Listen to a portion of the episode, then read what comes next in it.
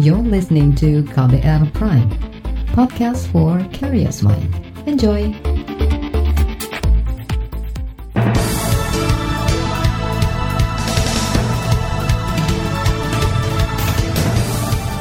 Selamat pagi saudara, senang sekali rasanya saya Reski Mesanto hadir kembali di Buletin Pagi edisi Kamis 10 September 2020.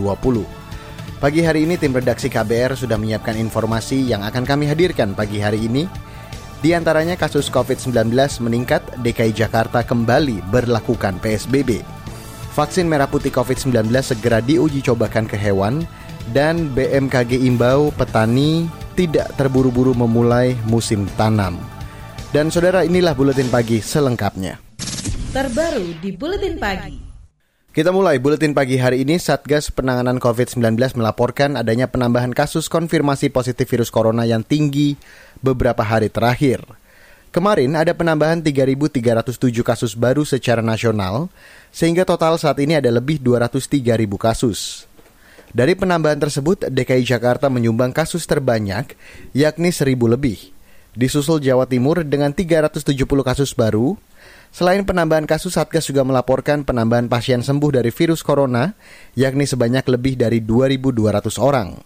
Total ada lebih dari 145.000 orang sembuh.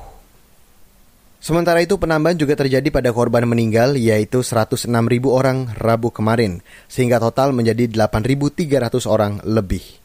Sementara itu, Gubernur DKI Jakarta Anies Baswedan kembali menerapkan pembatasan sosial berskala besar atau PSBB mulai Senin pekan depan. Ini dilakukan lantaran tren angka penambahan kasus positif COVID-19 di Jakarta terus meningkat. Nantinya, masyarakat diharuskan kembali bekerja, belajar, dan beribadah di rumah. Pemprov melarang seluruh kegiatan publik yang menimbulkan kerumunan. Pengecualian berlaku untuk 11 bidang usaha vital seperti logistik dan usaha bahan pangan dan minuman. Masyarakat juga diminta menjalankan 3M, mencuci tangan, menjaga jarak, dan memakai masker. Dalam rapat gugus tugas percepatan pengendalian COVID-19 di Jakarta tadi sore, disimpulkan bahwa kita akan menarik rem darurat, yang itu artinya kita terpaksa kembali menerapkan pembatasan sosial berskala besar seperti pada masa awal pandemi dulu. Bukan lagi PSBB transisi, tapi kita harus melakukan PSBB sebagaimana masa awal dulu. Itu tadi Gubernur DKI Jakarta Anies Baswedan. Sejak beberapa hari terakhir, DKI Jakarta terus menjadi provinsi dengan jumlah kasus positif COVID-19 terbanyak. Totalnya kemarin ada lebih dari 49 ribu kasus positif. Pasien yang dirawat dan diisolasi 11.200-an orang. Total meninggal 1.300-an orang dan total pasien sembuh di ibu kota lebih dari 37 ribu orang. Pemprov DKI Jakarta juga mencatat adanya penambahan angka pemakaman harian dengan prosedur tetap COVID-19 meski hasil pemeriksaan korban meninggal belum keluar, namun gejala-gejala yang ditunjukkan mengindikasikan kuat terinfeksi virus corona. Bahkan tempat pemakaman umum Pondok Rangon yang disediakan khusus untuk jenazah COVID-19 kini tersisa 1.100 liang lahat atau hanya mampu bertahan hingga dua bulan ke depan. Selama Agustus 2020, rata-rata ada lebih dari 20 jenazah yang dimakamkan tiap hari. Tak hanya liang lahat, tempat tidur isolasi di Jakarta juga bakal terisi penuh dalam beberapa hari ke depan jika jumlah pasien positif terus bertambah dengan jumlah besar.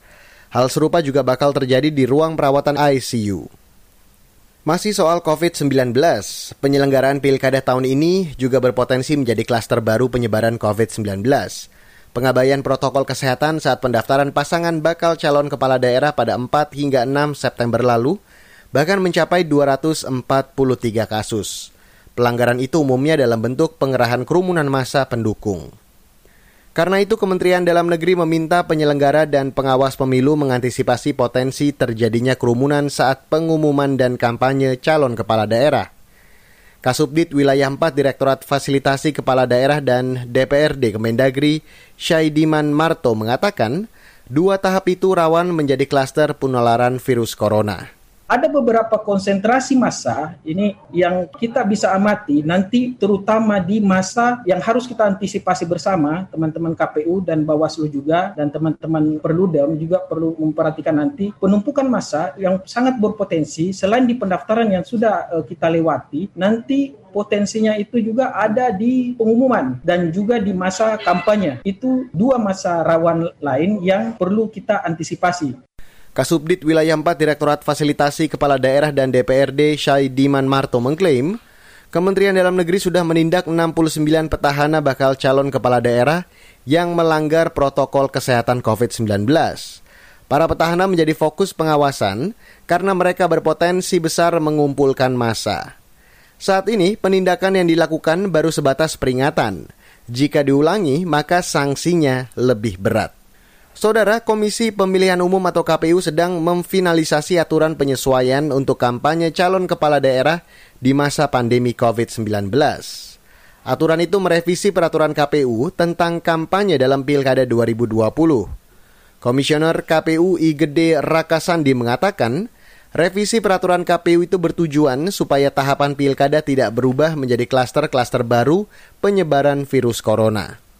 Mudah-mudahan nanti pengaturan uh, substansi normanya bisa mengcover ya kebutuhan kita dalam kampanye nanti. Kita semua berharap ya regulasi ini akan efektif terutama dalam hal uh, menghindari terjadinya uh, kerumunan yang berpotensi pada ya uh, perluasan ya penyebaran dan uh, penularan COVID-19 ini. Komisioner KPUI Gede Rakasandi menginformasikan revisi peraturan KPU itu akan diuji publik pada Jumat pekan ini. Selanjutnya, revisi itu dilanjutkan dengan harmonisasi pasal-pasal oleh Kementerian Hukum dan HAM. Sementara itu, juru bicara Mabes Polri Awi Setiono mengatakan, kepolisian menggelar pengamanan setiap tahapan pilkada sesuai tugas pokok dan fungsinya saja, termasuk pengamanan dan pemantauan masa saat pendaftaran pasangan bakal calon. Meski begitu, Awi enggan menjelaskan lebih jauh terkait sanksi bagi paslon dan pendukungnya yang melakukan kerumunan dan melanggar protokol kesehatan COVID-19. Kita beralih ke berita mancanegara, saudara. Suasana perpolitikan Malaysia menghangat lagi. Bekas Perdana Menteri Mahathir Mohamad melalui akun Twitter pribadinya berencana mengajukan mosi tidak percaya terhadap Perdana Menteri Malaysia saat ini, Muhyiddin Yassin. Menurut Mahathir, koalisi partai penguasa saat ini diisi orang-orang yang tersandung skandal korupsi. Selain itu, Muhyiddin juga dituding menipu rakyat karena mengejar jabatan sebagai Perdana Menteri dengan janji-janji untuk memperjuangkan harapan rakyat. Mahathir menyesalkan Muhyiddin yang lebih memilih bekerja sama dengan Partai UMNO yang korup daripada dengan partai yang didirikan bersama-sama yaitu Partai Pribumi Malaysia Bersatu. Muhyiddin Yassin dilantik sebagai Perdana Menteri ke-8 Malaysia pada 1 Maret lalu. Ia menggantikan Mahathir yang mengundurkan diri sebulan sebelumnya. Saudara, vaksin merah putih COVID-19 segera diuji cobakan ke hewan. Informasi selengkapnya akan kami hadirkan usai jeda. Tetaplah bersama kami di Buletin Pagi KBR. You're listening to KBR Pride, podcast for curious mind. Enjoy!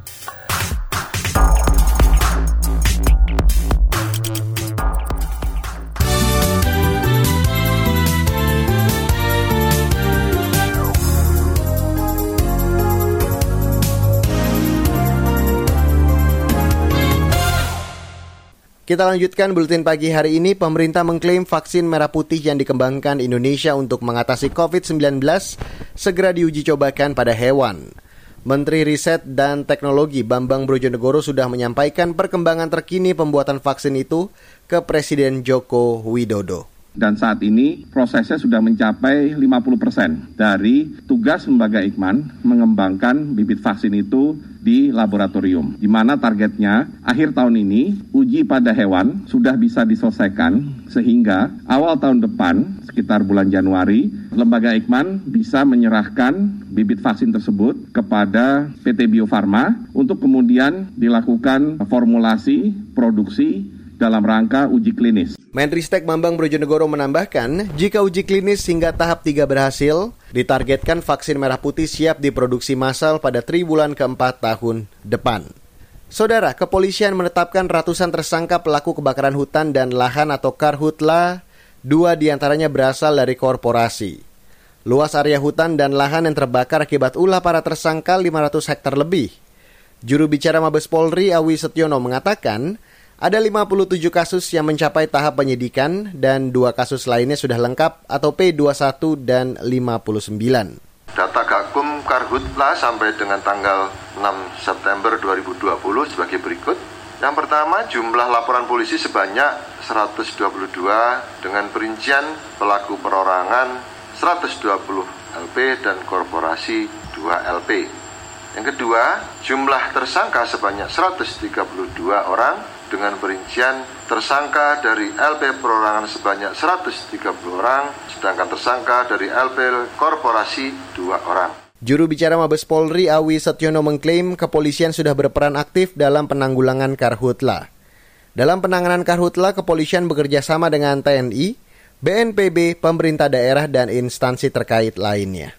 Kita beralih ke berita ekonomi. Menteri Koperasi dan UKM Teten Mas Duki bersama Komisi Pemberantasan Korupsi atau KPK membahas penyaluran program bantuan Presiden Produktif untuk usaha mikro sebesar 2,4 juta rupiah per usaha mikro. Teten mengklaim realisasi program sudah tersalurkan ke 5 juta lebih penerima manfaat atau 21 persen dari target keseluruhan. Program diluncurkan 24 Agustus hingga 3 September lalu. Sampai hari ini Alhamdulillah belum pernah ada informasi di mana penyalurannya salah sasaran. Misalnya jatuh kepada orang kaya, itu belum ada keluhan saat itu. Yang sering kami terima sebenarnya masih banyak orang yang menginginkan program ini. Karena memang jumlah UMKM itu ada 64 juta di Indonesia. Yang mikronya ada 63 eh, juta lebih. Menteri Koperasi dan UKM Teten Mas Duki mengklaim Sejak awal bekerja sama dengan BPKP dan OJK, kerjasama dilakukan untuk mendapatkan data pengusaha mikro yang belum punya pinjaman di bank. Tahap pertama program ini menyasar 9,1 juta penerima dan akan diusulkan naik hingga 15 juta penerima. Ini disampaikan Teten saat berkunjung ke KPK kemarin. Kita beralih ke berita olahraga. Penyerang tim nasional Portugal, Cristiano Ronaldo sukses mencetak dua gol ke gawang Swedia dalam pertandingan Liga Negara UEFA di Stadion Stockholm kemarin. Selain mengantarkan kemenangan negaranya, dua gol itu juga merupakan gol ke-100 dan 101 CR7 bagi tim nasional. Cristiano Ronaldo menyatakan gol tersebut sangat bersejarah dan membanggakan. Ronaldo kini mengincar target gol lain. Ia ingin melampaui gol ke-109 untuk tim nasional. Rekor itu kini masih dipegang Ali Dai untuk tim nasional Iran. Untuk sementara, Portugal menempati posisi puncak grup 3 divisi A dengan selisih dua gol atas Perancis. Selanjutnya, Portugal dijadwalkan berhadapan dengan Perancis di Paris pada 11 Oktober mendatang. Saudara, laporan khas KBR bertajuk kisah penyitas COVID-19 isolasi mandiri tanpa tulari keluarga akan segera kami hadirkan usai jeda, jadi tetaplah bersama kami di Buletin Pagi KBR. You're listening to KBR Pride, podcast for curious mind. Enjoy!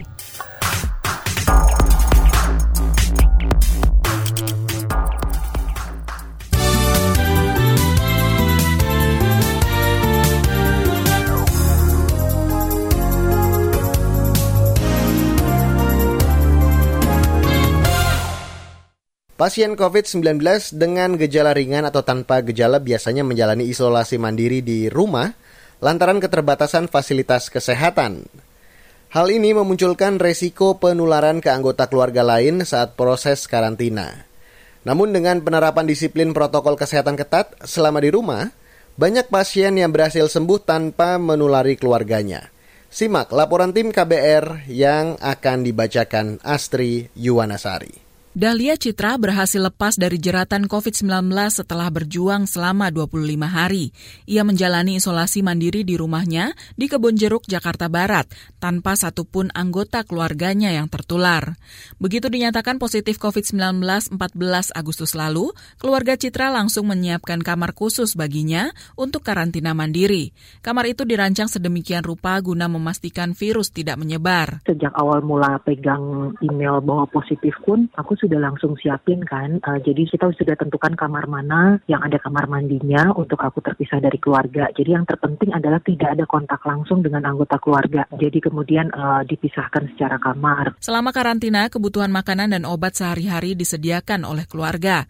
Citra mengkonsumsi obat-obatan untuk mengatasi gejala ringan yang muncul dan vitamin untuk meningkatkan imunitas.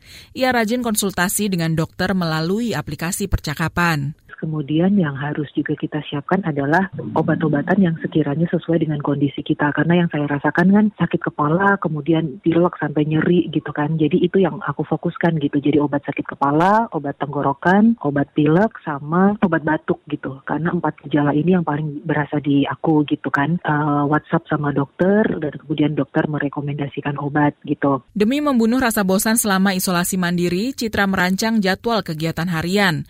Mulai dari membereskan membereskan kamar, mengecek pekerjaan, olahraga ringan hingga menikmati hiburan seperti film atau musik lewat ponselnya. Ia mengaku beruntung mendapat banyak dukungan dari keluarga, kerabat, tetangga, dan teman. Mereka kerap berkomunikasi melalui panggilan video. Situasi ini membuatnya lebih nyaman dan fokus dalam pemulihan diri. Yang pasti memang harus ada support system yang membuat kita tenang. Kan semua orang pasti bilang lah ya, mau dokter mau nggak dokter pun tahu gitu bahwa kondisi yang bisa memperparah adalah ketika secara psikologis kita terganggu, secara mental kita terganggu gitu kan. Tapi bagaimana supaya mental kita nggak terganggu? Ya siapkan support system, keluarga, jejaring pertemanan, tetangga, kolega gitu. Itu harus kita siapkan sebagai support system kita gitu. Nah itu yang saya rasakan betul. Jadi dukungan dari keluarga yang berkomitmen untuk saya bisa isolasi mandiri dengan nyaman, kemudian juga berkontak dengan uh, teman-teman di kantor bagaimana mengatur pekerjaan yang saya tinggalkan dan sebagainya gitu. Kemudian keluarga besar, kerabat, pertemanan-pertemanan di luar sana yang selalu memberikan dukungan, support, perhatian gitu. Intinya sebetulnya itu kan. Selama lebih dari tiga pekan isolasi mandiri, Citra sangat disiplin menjalankan protokol kesehatan. Ia sama sekali tidak keluar kamar kecuali pada hari ke-12 dan ke-19 untuk melakukan tes usap kedua dan ketiga di Puskesmas Kebon Jeruk, Jakarta Barat. Setelah tes usap ketiganya, Citra dinyatakan negatif pada hari ke-25 sejak isolasi mandiri di rumah.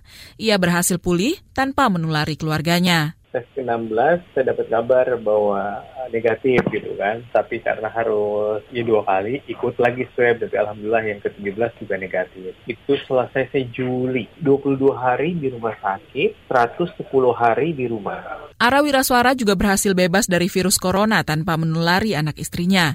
Ara bahkan menjalani isolasi mandiri di rumah selama hampir 4 bulan. Staf di pemerintah Kota Bogor, Jawa Barat ini dinyatakan positif COVID-19 pada pertengahan Maret, di dirawat di rumah sakit selama tiga pekan, kemudian lanjut isolasi mandiri mulai April. Pada pertengahan Juli, ia baru dinyatakan pulih sepenuhnya. Selama berbulan-bulan itu, Ara mengaku sangat disiplin menerapkan protokol kesehatan. Ia selalu mengenakan masker dan sama sekali tidak melakukan kontak fisik dengan keluarga.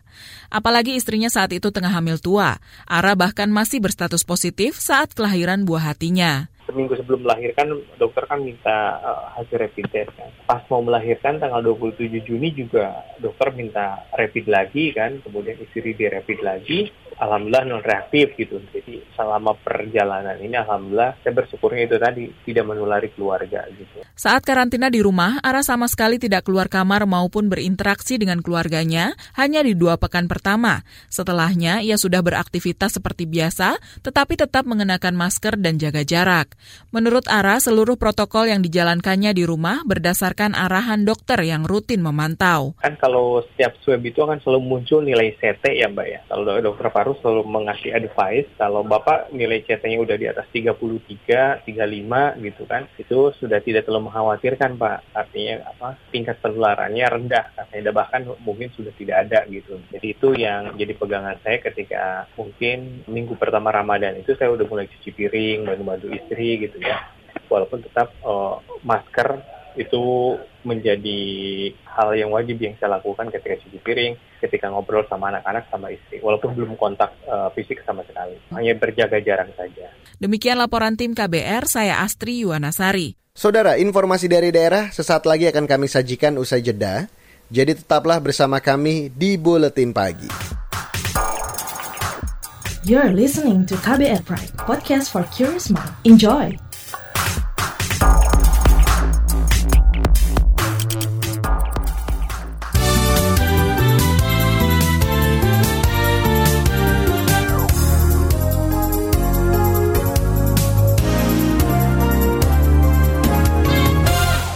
Dan inilah bagian akhir buletin pagi. Kita ke Sulawesi Tengah, saudara. Program pemberian kuota data internet gratis dari Kementerian Pendidikan dan Kebudayaan masih dalam proses verifikasi nomor telepon seluler. Verifikasi dilakukan sampai besok.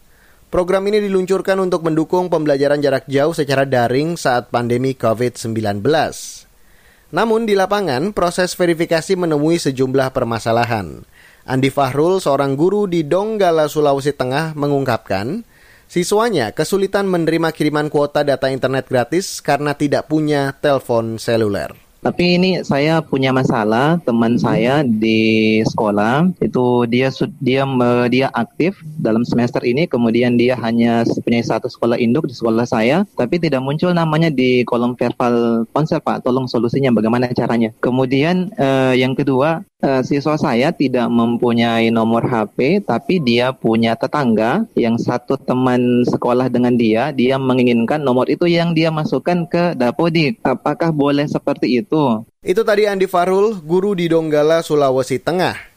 Sebelumnya, Kementerian Pendidikan dan Kebudayaan siap menggelontorkan anggaran 7,2 triliun rupiah untuk memberikan kuota data internet gratis Kuota akan dikirim oleh lima operator jaringan seluler antara lain Telkomsel dan Excel. Besarannya 35 GB untuk siswa, 42 GB untuk guru dan 50 GB untuk mahasiswa serta dosen. Pemberian kuota internet dikebut mulai bulan ini hingga Desember nanti. Kita beralih ke Jawa Tengah, Badan Meteorologi, Klimatologi, dan Geofisika atau BMKG menghimbau petani menahan diri untuk tak memulai musim tanam sebelum hujan benar-benar tiba. Sebab berdasar perkiraan BMKG, awal musim hujan akan tiba pada pertengahan Oktober 2020. Perakirawan Stasiun Meteorologi Tunggul Wulung, Randy Krisnawan menjelaskan, sesuai prediksi kemarau tahun ini merupakan kemarau cenderung basah – Karenanya meski kemarau akan tetap turun hujan meski berintensitas rendah. Cenderungnya kemaraunya hujannya untuk wilayah Cilacap dan Banyumas di atas normal gitu. Jadi walaupun musim kemarau masih ada potensi hujan untuk beberapa dasarian kemarin memang. Sepertinya kalau untuk saat ini kondisi hujannya belum memenuhi mas, karena masih paling gerimis-gerimis saja sih. Paling masih di bawah 50 mm dalam satu dasariannya. Belum mas, belum. Sekarang kecenderungannya cuacanya masih cerah atau berawan. Perakirawan BMKG Stasiun Meteorologi Tunggul Wulung Randy Krisnawan mengumumkakan, hujan dengan intensitas ringan ini belum cukup untuk memulai musim tanam, terutama di wilayah sawah tada hujan. Ia menyarankan petani menunggu intensitas hujan cukup stabil pada musim penghujan agar tanamannya tak kekurangan air. Dan saudara informasi tadi menutup jumpa kita pagi hari ini di Buletin Pagi edisi 10 September 2020. Pantau juga informasi terbaru setiap jamnya di Kabar Baru melalui website kbr.id, Twitter kami at berita KBR, serta saya ajak Anda untuk mengunjungi podcast kami di kbrprime.id serta platform podcast lainnya. Akhirnya saya, Reski Mesanto, mewakili tim redaksi yang bertugas pagi hari ini, mengucapkan terima kasih, kami undur diri, salam.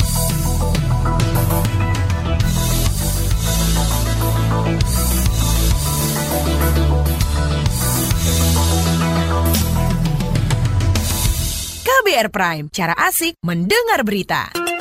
KBR Prime, podcast for curious mind.